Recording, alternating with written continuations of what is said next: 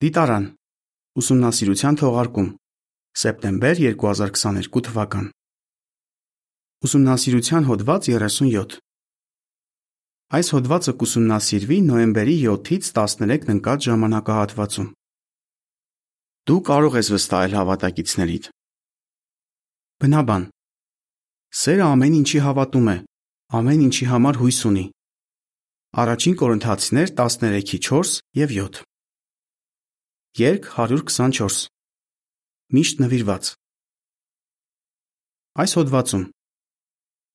Մենք վստահում ենք մեր հավատակիցներին Սակայն դա միշտ չէ որ հեշտ է քանի որ երբեմն նրանք հիասթափեցնում են մեզ Այս հոդվածը կօգնի վստահել մեր հավատակիցներին եւ վերականգնել վստահությունը նրանց հանդեպ, ովքեր չեն արդարացրել մեր ակնկալիքները Կքննենք Աստվածաշնչյան որոշ սկզբունքներ եւ անցյալում ապրած Աստծո հավատարիմ ծառաների օրինակներ։ Բարբերություն 1 Հարց. Ինչու մեզ չի զարմացնում այն, որ այսօր մարդիկ չեն վստահում իրար։ Սատանայի աշխարհում մարդիկ չգիտեն, թե ում վստահեն։ Քաղաքական, կրոնական եւ առևտրային համակարգերը հաճախ հիասթափեցնում են նրանց։ Շատերը չեն կարողանում վստահել նաև իրենց հարևաններին, ընկերներին եւ նույնիսկ ընտանիքի անդամներին։ Այս ամենը մեզ չի զարմացնում, քանի որ Աստվածաշնչում կանխագուշակվել էր, որ վերջին օրերում մարդիկ կլինեն անհավատարիմ, զրպարտող, մատնիչ։ Այլ կերպ ասած, մարդիկ արտացոլելու էին այս աշխարհի Աստծո էությունը, որի մեջ վստահելիության նշույլ անգամ չկա։ Երկրորդ Տիմոթեոս 3:1-ից 4 Բարբերություն 2 Հարց Ա Ում կարող ենք լիովին վստահել։ Հարց Բ. Ինչ հարց գուցե առաջանա։ Լինելով քրիստոնյաներ, մենք գիտենք, որ կարող ենք լիովին վստահել Եհովային։ Մենք համոզված ենք, որ նա սիրում է մեզ եւ երբեք չի լքի իր ընկերներին։ Մենք հիմնավոր պատճառ ունենք վստահելու նաև Հիսուս Քրիստոսին, չէ՞ որ նա իր կյանքը տվել է մեզ համար։ Բացի այդ, Մենք անձամբ ենք համոզվել, որ Աստվածաշնչի տված առաջնորդությունը վստահարժան է։ Անկասկած մենք վստահում ենք Եհովային, Հիսուսին եւ Աստվածաշնչին։ Իսկ կարող ենք արդյոք միշտ վստահել մեր հավատակիցներին։ Եթե այո, ապա ինչու։ Մենք մեր հավատակիցների կարիքն ունենք։ Բարբերություն 3 Հարց. Ինչ մեծ պատիվ ունենք Մարկոս 10:29 եւ 30 Եհովան հնարավորություն է տվել մեզ, որ լինենք իրեն պաշտողների համաշխարային ընտանիքի մի մասը։ Միայն պատկերացրու, թե ինչ մեծ պատիվ է դա եւ որքան շատ օրհնություններ է բերում։ Ամբողջ աշխարհում մենք ունենք եղբայրներ ու քույրեր, ովքեր նույնպես սիրում են Եհովային եւ ձգտում են ապրել նրա չափանիշներով։ Թեև մեր լեզուն, մշակույթը եւ հագուստը տարբեր են, Սակայն մենք հարազատների պես ենք, նույնիսկ երբ առաջին անգամ ենք տեսնում իրար։ Մենք մեծ հաճույք ենք ստանում, երբ միասին գովաբանում եւ պաշտում ենք մեր սիրառատ երկնային հորը։ Կարդանք Մարկոս 10:29 եւ 30-ը։ Հիսուսն էլ ասաց. Ճշմարիտ ասում եմ ձեզ, չկա մեկը, որ թողած լինի տուն, եղբայրներ, քույրեր, մայր, հայր, զավակներ կամ արտեր իմ անվան եւ բարի լուրի համար, որ այժմ այս ժամանակում չստանա հարյուրապատիկը, տներ, եղբայրներ, քույրեր, մայրեր, զավակներ ու արտեր, հալածանքների հետ մեկտեղ, իսկ գալիք աշխարհում հավիտենական կյանք։ Նկարի մակագրության մեջ ասվում է. Ամբողջ աշխարհում մենք ունենք վստահելի եղբայրներ ու քույրեր, ովքեր նույնպես սիրում են Եհովային։ Բարբերություն 4 Հարց Ինչու մեր եղբայրների ու քույրերի կարիքն ունենք։ Այսօր առավել քան երբևէ մենք պետք է միասնական լինենք մեր եղբայրների ու քույրերի հետ։ Երբեմն նրանք օգնում են մեզ կրել մեր ծանրությունները։ Գաղատացիներ 6:2 Նրանք նաև քաջալերում են, որ ակտիվ լինենք ծառայության մեջ եւ հոգեվորապես ամուր մնանք։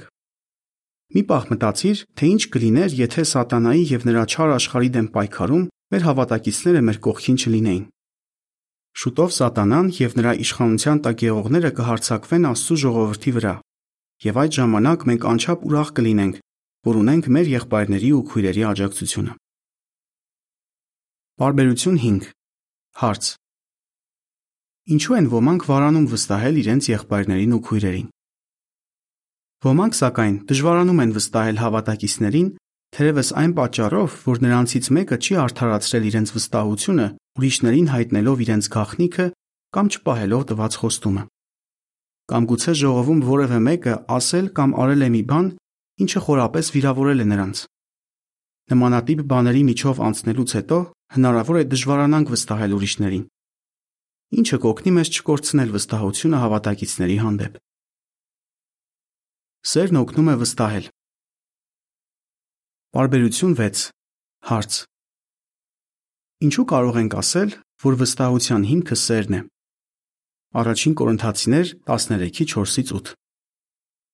Վստահության հիմքը սերն է։ Առաջին Կորինթացիներ 13-րդ գլխում նկարագրվում է, թե ինչպիսին է սերը։ Սիրո այդ դրսևորումները կարող են օգնել մեզ վստահել մարդկանց, այդ թվում նրանց, ովքեր կորցրել են մեր վստահությունը։ Կարդանք առաջին Կորինթացիներ 13-4-ից 8-ը։ Սերը համբերատար է ու բարի։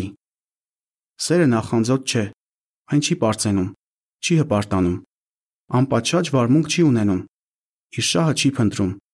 բարկությամբ չի բորբոքվում, վիրավորանքները չի հաշվում, անարթարության վրա չի ուրախանում, այլ ուրախանում է ճշմարտության համար։ Ամեն ինչի դիմանում է, ամեն ինչի հավատում է, ամեն ինչի համար հույս ունի, ամեն ինչի տոկում է։ Սերը երբեք չի վերջանում։ Սակայն եթե կան մարգարեանալու պարգևներ, կանհետանան։ Եթե կան լեզուներ, կդադարեն։ Եթե կան գիտելիքներ, կանհետանան։ Օրինակ, 4-րդ համարում ասվում է, որ սերը համբերատար է ու բարի։ Եհովան համբերատար է մեր հանդեպ, նույնիսկ երբ մեղք ենք գործում։ Ոստի մենք էլ պետք է համբերատար լինենք մեր այն հավատակիցների հանդեպ, ովքեր գուցե ասեն կամ անեն բաներ, որոնք կնյարդայնացնեն կամ կվիրավորեն մեզ։ Իսկ 5-րդ համարում ասվում է. սերը բարկությամբ չի բորբոքվում, վիրավորանքները չի հաշվում։ Մենք չենք ցանկանում վիրավորանքները հաշվել, այսինքն մտապահել այն բոլոր դեպքերը, երբ մեր հավատակիցները վիրավորել են մեզ, որպեսի հետագայում անդրադառնանք դրանց։ Ժողովող 7-9-ում մեզ հետևյալ հորդորն է տրվում. Միշտ ապիր ոգով վիրավորվել։ Վիրավորվելու փոխարեն ավելի լավ կլինի կիրառել Եփեսացիներ 4:26-ում գրված խորհուրդը. Թող արևը մայր չմտնի, քանի դեռ զայրացած եք։ Բարբերություն 7 Հարց. Մատթեոս 7-ի 1-ից 5 համարներում գրված սկզբունքները ինչպես են օգնում, որ վստահենք մեր հավատակիցներին։ Եթե մեր հավատակիցների հանդեպ ունենանք նույն վերաբերմունքը, ինչ Եհովան, դա նույնպես կօգնի, որ վստահենք նրանց։ Աստված սիրում է իր ծառաներին եւ չի հաշվում նրանց մեղքերը։ Մենք նույնպես չպետք է հաշվենք։ Մեր եղբայրների ու քույրերի թերությունների վրա կենտրոնանալու փոխարեն պետք է ձգտենք լավ հատկություններ գտնել նրանց մեջ եւ տեսնենք լավն անելու նրանց պոտենցիալը։ Կարդանք Մատթեոս 7-ի 1-ից 5-ը։ Մի դատեք, որ չդատվեք, որովհետև ինչ դատաստանով որ դատեք, նույն դատաստանով էլ կդատվեք, եւ ինչ չափով որ չափեք, նույն չափով էլ ձեզ համար կչափեն։ Ինչու ես նայում քո եղբոր աչքի միջի շուղին, բայց քո աչքի միջի գերանը չես նկատում։ Կամ ինչպես կարող ես եղբորդ ասել. Թույլ տուր աչքիդ միջի շուղը հանեմ, երբ քո աչքում գերան կա։ Կեղծավոր, նախ քո աչքի միջի գերանը հանիր, եւ հետո པարս կտեսնես, թե ինչպես կարելի է եղբորդ աչքի միջի շուղը հանել։ Մենք կասկածի տակ չպետք է դնենք նրանց մղումները, քանի որ սերը ամեն ինչի հավատում է։ Առաջին Կորինթացիներ 13:7 Բայց դա չի նշանակում, որ Եհովան ուզում է կուրորեն վստահենք ուրիշներին։ Ընթակառակը, նա ուզում է, որ վստահենք նրանց, ովքեր փաստել են, որ վստահելի են։ Ծանոթագրություն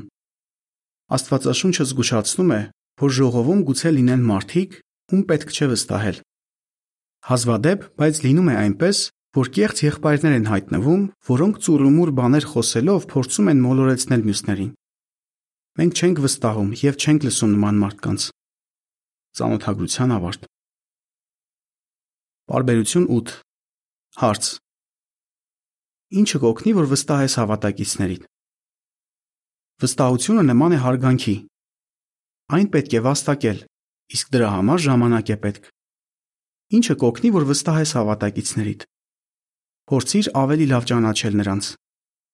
Հանդիպումներից առաջ եւ հետո խոսիր հավատակիցներիդ հետ։ նրանց հետ գնա ծառայության, համբերատար եղիր նրանց հանդեպ եւ հնարավորություն տուր փաստելու, որ վստահելի են։ Եթե նոր ես սկսում ճանաչել ինչ-որ մեկին, գուցե որոշես նրան ամեն ինչ չպատմել քո մասին։ Իսկ հետագայում, երբ մտերմանաք, գուցե հարմար գտնես անձնական բնույթի ավելի շատ տեղեկություններ հայտնել նրան։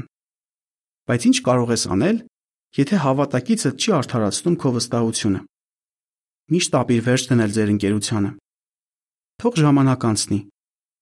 Բացի այդ, մի քանիսի արարքների պատճառով մի կորցրու վստահությունդ բոլորի հանդեպ։ Այս առնչությամբ եկեք քննենք Եհովայի հավատարիմ ծառաներից մի քանիսի օրինակը, ովքեր չնայած հիասթափություններին չեն կորցրել վստահությունը մարդկանց հանդեպ։ Նրանք չկորցրին մարդկանց հանդեպ վստահությունը։ Բարբերություն 9 Հարց Ա. Աննան ինչպես ցույց տվեց, որ վստահում է Եհովային, չնայած նրա ներկայացուցիչների թերություններին։ Հարց Բ. Ինչ է սովորում Աննայի օրինակից պատասխանատվություններ ունեցող եղբայրներին վստահելու հարցում։ Երբևէ հիասթափվել ես պատասխանատվություն ունեցող եղբոր պահվածքի պատճառով։ Եթե այո, ապա քեզ համար օգտակար կլինի Աննայի օրինակը։ Նրա օրերում իսրայելացիների հոգևոր առաջնորդը քահանայապետ Հեղին էր, որի ընտանիքը օրինակելի չէր։ Հեղիի որդիները, ովքեր քահանա էին ծառայում, շարունակ ամոթալի եւ անբարո վարք էին դրսևորում մինչդեռ նա առանձնապես ջանք չէր թափում նրանց ուղղելու համար, եւ Եհովան թույլ էր տալիս, որ նա մնա քահանայապետի դիրքում։ Այնուամենայնիվ, Աննան շարունակում էր Հեղիի ռոք գնալ խորան եւ այնտեղ պաշտել Եհովային։ Իսկ մի օր, երբ Աննան սրտնեղած աղոթում էր, Հեղին սխալմամբ եզրակացրեց, թե նա հարբած է։ Առանց փաստերը քննելու նա քննադատեց այդ վշտացած կնոջը։ Չնայած այս ամենին, Աննան երթվեց, որ եթե որդի ունենա, նրան կբերի խորանում ծառայելու։ Եվ դա այն դեպքում, երբ իր որդին պետք է լիներ հեղիի հոգացության տակ։ Արդյոք այդ ժամանակ հեղիի որդիները արդեն շտկել էին իրենց վարքը։ Ոչ։ Սակայն Եհովան ճիշտ ժամանակին քայլեր ձեռնարկեց եւ պատժեց նրանց։ Իսկ Աննային վարչատրեց, նրան որդի ապարգևելով, որի անունը դրեցին Սամուել։ Նկարի մակագրության մեջ ասվում է. Չնայած հեղիից սխալ վերաբերմունքին, Աննան շարունակեց վստահել Եհովային եւ նրա ներկայացուցիչներին։ Բարբերություն 10 Հարց Երբ Դավթի մտերիմները դավաճանեցին նրան, արդյոք նա կորցրեց վստահությունը մյուսների հանդեպ։ Երբևէ եղել է, որ մտերիմ ընկերդ դավաճանի քեզ։ Եթե այո, ապա Դավիթ թագավորի օրինակը օգտակար կլինի քեզ համար։ Նա Աքիտոփել անունով մի ընկեր ուներ, Երբ Դավթի որդի Աբիսողոմը փորձեց խլել գահի հոր ձեռքից, Աքիթոփելը միացավ նրա ամբոստությանը։ Դա պետք է որ մեծ հարված լիներ Դավթի համար, քանի որ նրա դեմ դուրս եկան իր իսկ որդին եւ ընկերը։ Բայց նրանց դավաճանության պատճառով Դավիթը չկորցրեց վստահությունը մարդկանց հանդեպ։ Նա շարունակեց վստահել իր մյուս ընկերներին, այդ թվում հավատարիմ Քուսիին, ով չմիացավ Աբիսողոմի ապստամբությանը։ Իզուր չէ, որ Դավիթը վստահում էր Քուսիին։ Վերջինս փաստեց, որ լավ ընկեր է։ Նա նույնիսկ իր կյանքը վտանգեց Դավթին օգնելու համար։ Բարբերություն 11 Հարց. Ինչպես Նաբաղի ծառաներից մեկը ցույց տվեց, որ վստահում է Աբիգային։ Քննենք նաև Նաբաղի ծառաներից մեկի օրինակը։ Դավիթը եւ նրա զինակիցները բարություն էին դրսևորել Նաբաղ անունով մի հարուստ իսրայելացու ծառաների հանդեպ։ Որոշ ժամանակ անց, երբ Դավիթն ու իր հետ եղող մարդիկ ուտելիքի կարիք ունեին, Դավիթը Նաբաղին խնդրեց տալ, ինչ կարող է, սակայն վերջինս մերժեց նրա այդ համեստ խնդրանքը։ Դա խիստ զայրացրեց Դավթին, եւ նա որոշեց սպանել Նաբաղի տան բոլոր տղամարդկանց։ Նաբաղի ծառաներից մեկը ստեղծված իրավիճակի մասին հայտնեց Աբիգեին, նրա կնոջը։ Լինելով այդ տան անդամներից մեկը, ծառան գիտեր, որ Աբիգյան կարող է փրկել իր կյանքը Ուստի փախչելու փոխարեն նա վստահեց Աբիգային, համոզված լինելով, որ նա կշտկի իրավիճակը։ Նրա համոզվածության պատճառն այն էր, որ Աբիգյան հայտնի էր որպես իմաստուն կին։ Հետագա դեպքերը ցույց տվեցին, որ նրա վստահությունը զուր չէր։ Աբիգյան քաջություն դրսևորեց եւ համոզեց Դավթին, որ չիրագործի իր մտադրածը։ նա վստահեց Դավթին, համոզված լինելով, որ վերջինս ողջամտությամբ կվարվի։ Պարբերություն 12 Հարց. Հիսուսն ինչպես ցույց տվեց, որ վստահում է իր աշակերտներին, չնայած նրանց սխալներին։ Հիսուսը վստահում էր իր աշակերտներին, չնայած նրանց սխալներին։ Երբ Հակոբոսն ու Հովանեսը խնդրեցին Հիսուսին, որ իրենց հատուկ դիրք տա իր թակավորությունում, նա հարցականի տակ չդրեց Եհովային ծառայելու նրանց մղումները եւ չզրկեց նրանց առաքյալ լինելուց։ Իսկ հետագայում Հիսուսի ձերբակալության գիշերը նրա բոլոր աշակերտները լքեցին նրան։ Սակայն նա երբեք չկորցրեց վստահությունը նրանց հանդեպ։ Նա միջև վերջ սիրեց նրանց, չնայած շատ լավ գիտեր նրանց թերությունների մասին։ Հարություն առնելուց հետո Հիսուսը նույնիսկ լուրջ պատասխանատվություններ վստահեց իր 11 հավատարիմ առաքյալներին։ Նա նրանց հանձնարարեց առաջնորդություն վերցնել աշակերտ պատրաստելու գործում եւ հոգ տանել իր թանկ գառների մասին։ Այս անկատար մարդկանց հանդեպ Հիսուսի վստահությունը արդարացվեց։ Նրանք բոլորն էլ հավատարմորեն ծառայեցին Եհովային միջև իրենց երկրային կյանքի ավարտը։ Անկասկած Աննան, Դավիթը, Նաբաղի ծառան, Աբիգյան եւ Հիսուսը հիանալի օրինակ են անկատար մարդկանց վստահելու հարցում։ Սովորենք կրկին վստահել։ Պարբերություն 13 Հարց. Ինչու գուցե դժվարանանք վստահել ուրիշներին։ Եղել է այնպես, որ հավատակցիդ կոնֆիդենցիալ տեղեկություն ես վստահել, բայց նա դա գախնի չի պահել։ Թերևս քեզ դավաճանված ես զգացել։ Մի անգամ քույրերից մեկը անձնական խնդրի մասին խոսել էր երեցներից մեկի հետ։ Հաջորդ օրը երեցիկին զանգահարեց, որ մխիթարի այդ քրոջը, ակներևաբար իմանալով, թե ինչի մասին է նա խոսել իր ամուսնու հետ։ Բնականաբար քույրը կորցրեց վստահությունը այդ երեցի հանդեպ։ Բայց լավ է, որ նա օգնության դիմեց եւ մտեցավ մեկ այլ երեցի, ով օգնեց նրան վերականգնել վստահությունը երեցների հանդեպ։ Պարբերություն 14 Հարց. Ինչն օգնեց մի եղբոր կրկին վստահել հավատակիցներին։ Մի եղբայր երկար ժամանակ նեղված էր երկու երեցներից եւ այլևս չէր վստահում նրանց։ Սակայն նրան մտածելու տեղիք տվեց հետևյալ པարզ, բայց ազդեցիկ միտքը, որն ասել էր մի եղբայր, ում նա շատ էր հարգում. Սատանան է մեր թշնամին, ոչ թե մեր հավատակիցները։ Դրանից հետո եղբայրը լրջորեն խորհրդացեց այդ խոսքերի շուրջ եւ աղոթքով Եհովայից օգնություն խնդրելուց հետո կարողացավ վերականգնել խաղաղություն այդ երեցների հետ։ Պարբերություն 15 Հարց. Կրկին վստահելու համար ինչու է ժամանակ պահանջվում։ Բեր օրինակ։ Իսկ եղել է այնպես, որ կորցնես առանձնաշնորհումներդ։ Անկասկած դա քեզ ցավ է պատճառել։ Նման բան տեղի ունեցավ Գրետեի հետ։ 1930-ականներին, երբ նացիստական Գերմանիայում մեր գործնեությունը արգելված էր, նա եւ նրա մայրը հավատարմորեն ծառայում էին Եհովային։ Այդ ժամանակ Գրետեն առանձնաշնորհում ուներ գրամեքենայով դիտարան ամսագրի օրինակներ տպագրելու հավատակիցների համար։ Բայց երբ եղբայրները իմացան, որ նրա հայրը հակառակվում է ճշմարտությանը, վախեցան, որ նա կմատնի ժողովին ու Գրետեին զրկեցին իր առանձնաշնորհումից։ Սակայն Գրետեի փորձությունները այդքանով չավարտվեցին։ Երկրորդ համաշխարհային պատերազմի ընթացքում եղբայրները Գրետեին եւ նրա մորը ամսագրեր չէին տրամադրում եւ փողոցում հանդիպելիս նրանց հետ չէին խոսում։ Դա իսկապես վիրավորական էր։ Գրետեի վիրավորանքն այնքան խորն էր, որ երկար ժամանակ էր պետք, որպեսզի նա կարողանար ներել այդ եղբայրներին եւ կրկին վստահել նրանց։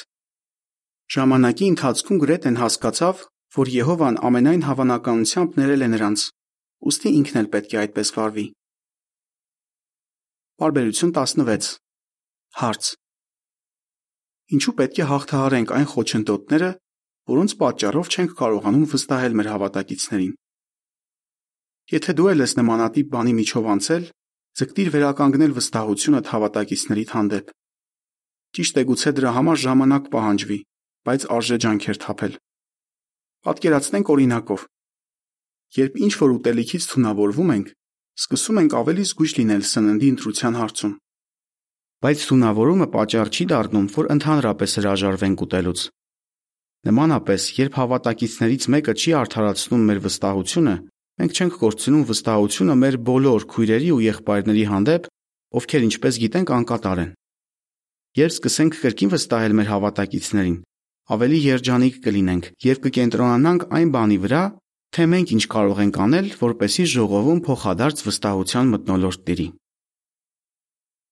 Բարբերություն 17 Հարց. Ինչու է վստահությունը շատ կարևոր եւ ինչ ենք քննելու հաջորդ հոդվածում։ Վստահությունը հազվագյուտ բան է սատանայի աշխարհում։